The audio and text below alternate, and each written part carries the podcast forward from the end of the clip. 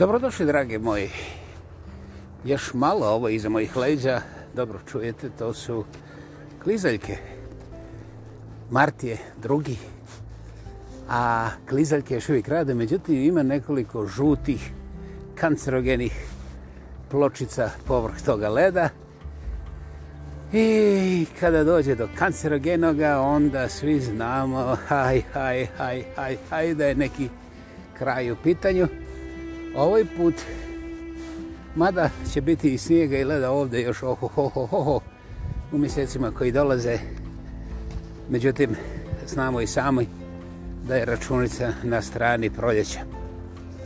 Dakle, ovo je 115. slama sa vama, samoproglašeni lingvistički aktivista, monumentalno autentični, ja pa ja, kao i drugi, Vladimir kreće ispod predivnih stjenovitih planina.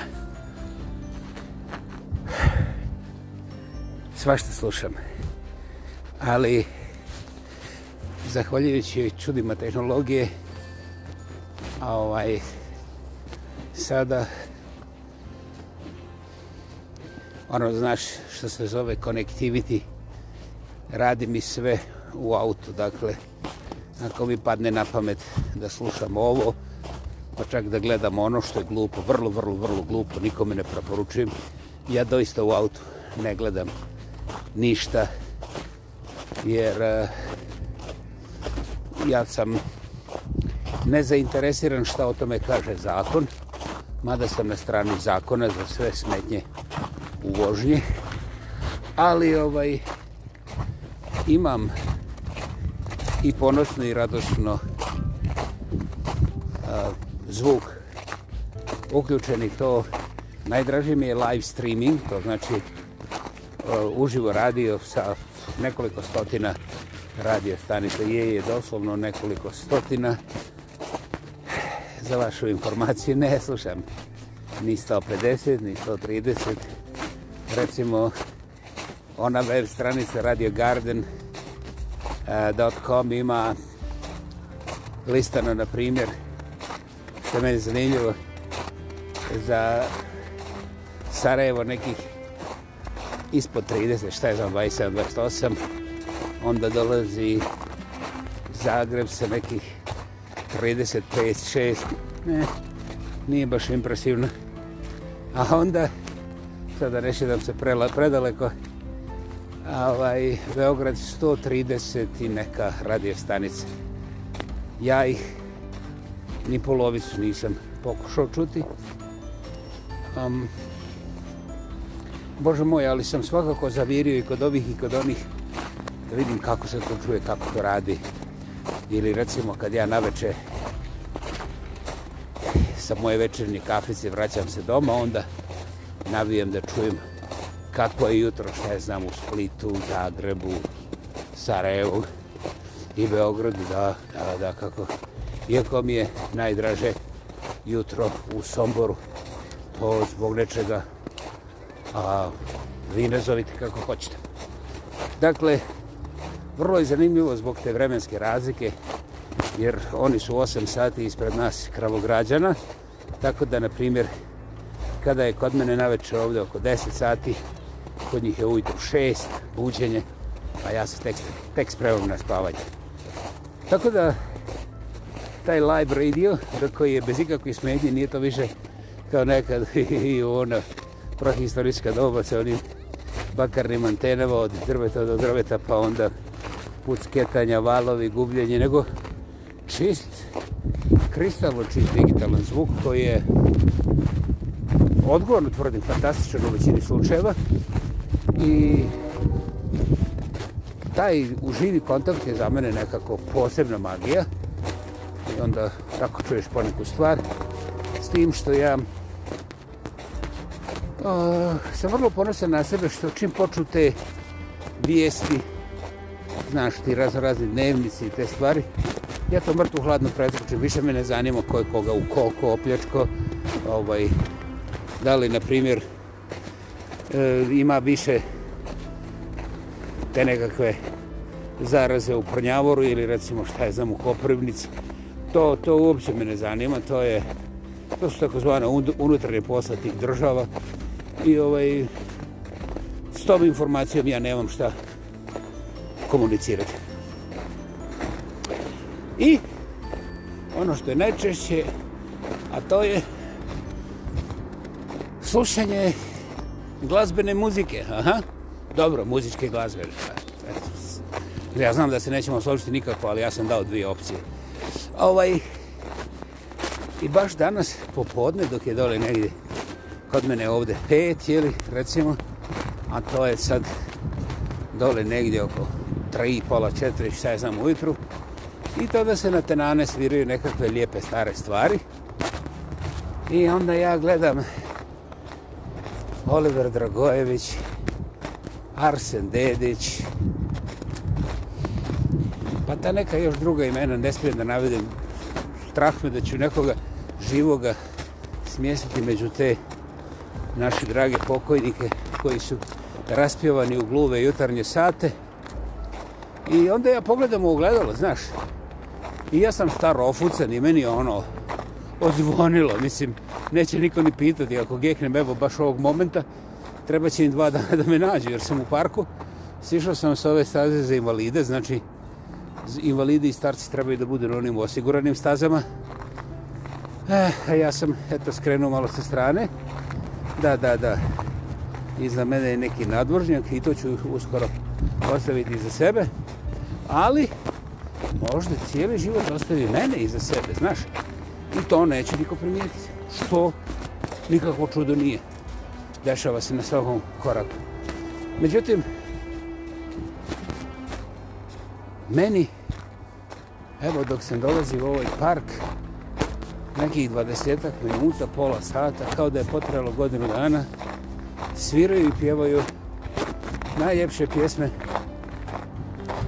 nekog mog, mog vremena, a moje vreme, vrijeme je i danas, vjerovali ili ne, ljudi koji su, eto, koliko juče, šedali svojim parkovima kao ja danas ovdje. Ovdje. šta bi to trebalo reći o životu? Šta bi to trebalo reći o životu? Pa, ništa. Ništa. E, kada su oni tamo nekakvi, razumiješ, neću da navrajam kategorije, namjerno, govorili kako je sve u univerzumu perfektno. Ja sam bio među prvima ciničnim komentatorima, znaš, te nekakve perfektnosti. Znaš, ono, i ti i ja stojimo ispod brda, imamo jednak mozak, a ti znaš da je preko brda ocean i to još mo, pun mokre vode. Mislim, ono, šta si obrazio, dajem, dajem, nemoj zezati, ajmo finu ko ljudi da se popravimo na brdo, pa da vidimo šta je tamo. Dakle, i to je prošlo. I ja danas Ne znam da li možete čuti, ali ja sam uvjeren da možete, jer ljudska inteligencija je imanentna, potpuno prirodna. Potpuno, potpuno prirodna i potpuno... Da, prirodna bi se rekla potpuno naravna, jeli? Dakle, neupitna. E, ono što je upitno je šta čovjek hoće da radi s tim, znaš. Ovaj, to, je, to je taj veliki problem, to je sad pitanje ega ne samo karaktere i ovih ostalih elemenata koji su kao malo umni, nego uglavnom ego je taj glavni primitivus koji zbrčka sve i zamrači čovjeku velikih kvaliteta, intelektualni i duhovni, zamrači mu sve, pa taj čovjek onda kao budoletina prosipa se da je njegov kadilak duži od moga za 6 cm. U čime se ja slažem da ne nastavljamo danju diskusiju, ali ja nisam pametni čovjek i možda nekako krastego, otkud ja to znam. Međutim, ako se složim, on ima onda da ubjeđuje drugih 7 milijarde majmuna da mu je duži 6 cm. A ja mogu za to vrijeme da vama ispričam. Slama sa vama 115. put. To je to. Ostatak znate, ispod predivnih stinovitih planina, ja pa ja, kobi drugi, Vladimir Kreća. Dakle, gospodo, život ukoliko ga pogledate ono sa strane, može imati razno razne projekcije, jer to nije tehničko crtanje, to je zapravo nešto a, višedimenzionalno u kombiniranim kretanjima koja nikad nisu bilo pod našom kontrolom i zato je ova izmjena informacija za mene veliko zadovoljstvo. Vratit ćemo se onome onoj armiji mrtvaca koja mi je svirala i pjevala predivne pjesme dok sam dolazio u ovaj park večeras. A ovaj...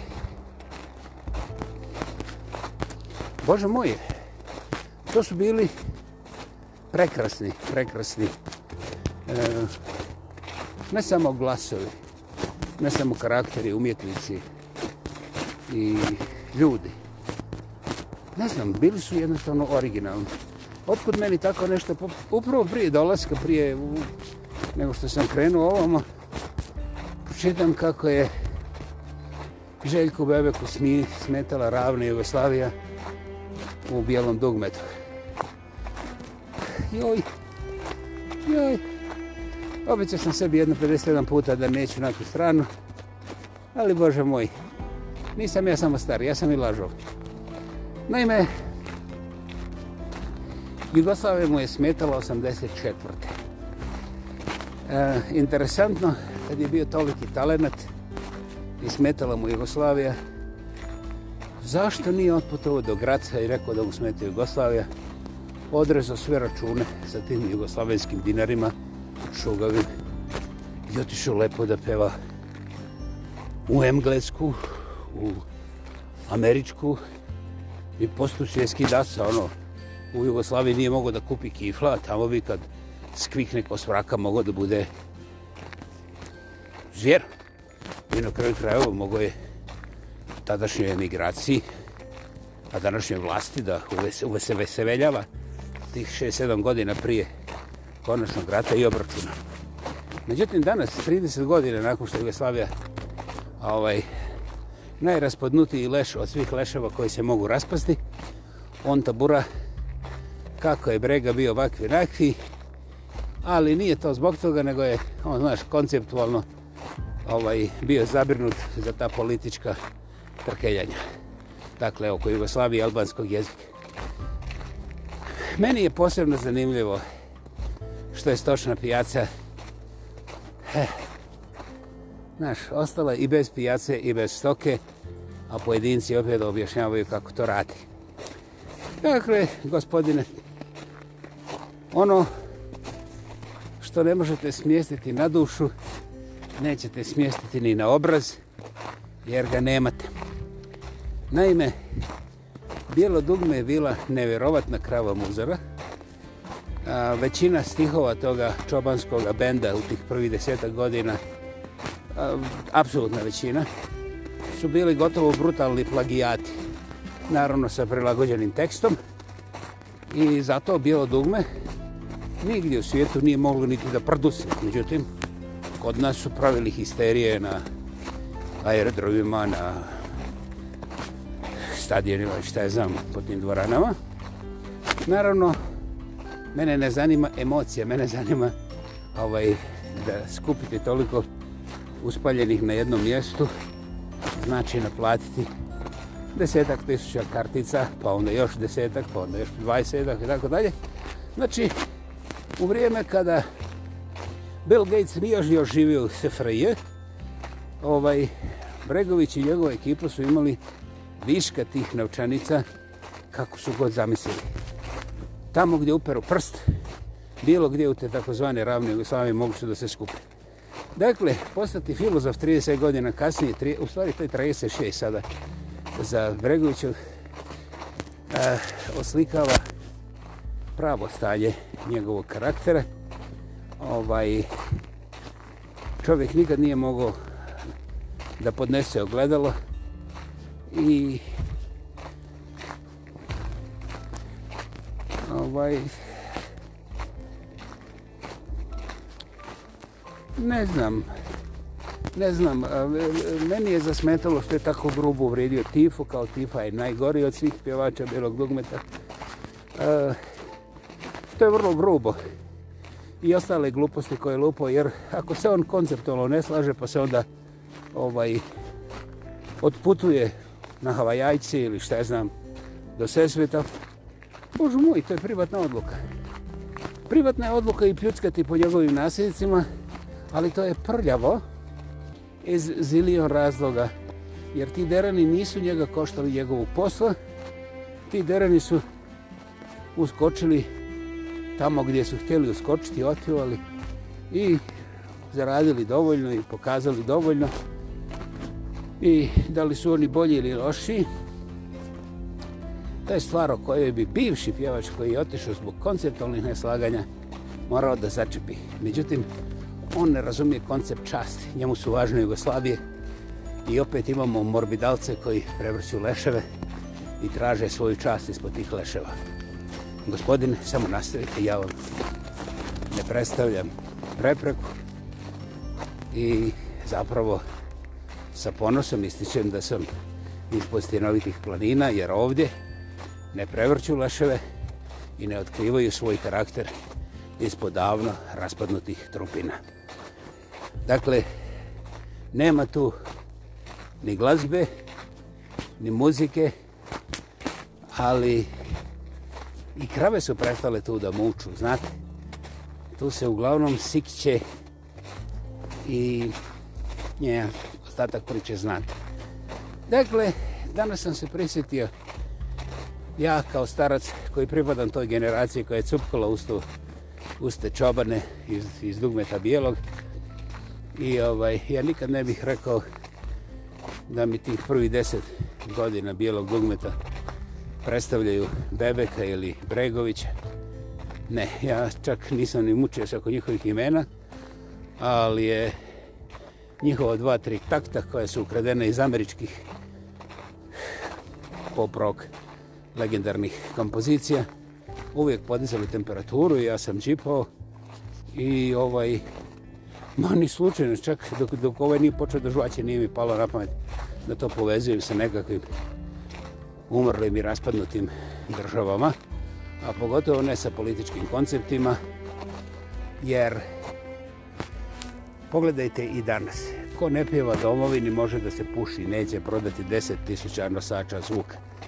Dakle, Politbiro nije mrtav, samo se zove sad Democratic je tržište e, nacija, nacija i moje generacije, šta je znam. Mislim, nije smiješno. Tužno je, rogovatno, međutim, koristi vladarima scene i onda napred bez mene. A, drage srce, završavam ovdje da ne bih slučajno još opalio neku u tom pravcu, jer treba ih ostaviti da prevrću svoje leševe, tu treba mira, jer kad prevrćeš leševa, nervozni si, onda se raspadaju, onda još više smrdi. Da, da, leševi ne mogu dodatno umirati, premda postoji tendencija ovih novih demokrata da to naš ponove jednu zilijom puta, znaš ono, uh, smrt, ha, smrt, ha. I tako da, napravi, gospodo, napred. Ovo i ja sam uskoro tu među leševim, pa napravite preko mene. Ako hoćete, možete da kakite. Jer s time ste zapravo potpisali svoje djeci pogreb. Vaša djeca ne mogu da vas operu vašog morbidnog karaktera. Znate, vaše djece bi možda mogla da dokažu da ste se vi negdje zabunili pa isplatili više novca ili dobro, ili uzeli manje, što je nemoguće, ne oveze. Ali kada su vama ruke i noge i jezik i glava i sve živo umočeno u i to vrlo, vrlo morbidno u leševe i ljudi i država, znate, vaše djeca moraju da se spašavaju od toga smrada. I ne mogu ga nazvati ni političkim, ni nepolitičkim, nego to je smrad koji ubija, koji davi i koji čini da će vas, vaše djeca zapravo morati izbjegavati čak i kao leševe. E, ovu prijetnju ja nisam mogao ni smisliti, ni zamisliti, ali kad vidim kako se ponašate, onda to kažem otvoreno i glasno, jer možda vam padne na pamet da provjerite zašto bih ja rekao ovako nešto i da li to što sam ja rekao zapravo je uglađena verzija vrlo, vrlo neugodne stvarnosti koju ste servirali sami sebi i koje bi svoje frustracije liječite prevrćući već leševe opet i opet i opet i rekreirajući prošlost. Znate, iluzionisti ne rekreiraju prošlost, jer vi niste iluzionisti. Niste ni lideri, niste ni političari. Za koga radite to što radite? Zašto svoje očaj pred završetkom života trujete nepopravljivim lupetanjima. Jer postoje neki moment u životu koje ste odradili fantastično. Iako ljudima ne kakite, ljudi će zapamtiti samo ona najbolja izdanja. Dakle, to je vrlo jeftino, završavam. Ne zaslužujete više mojega vremena. Mislim, vi koji lupate o mrtvacima na taj način. A ovo je bila, kao što ste od početka upoznati, 115. emisija. 115. emisija. 115. podcast sa vama. Ja pa ja, ako bi drugi, Vladimir kreće ispod predivnih stenovitih planina. Nemojte me prostiti na ovim mučnim osvrtima. Ja sam to i morao i htio. Nastavljam radosnije sutra. Hvala, hvala, hvala. Hvala.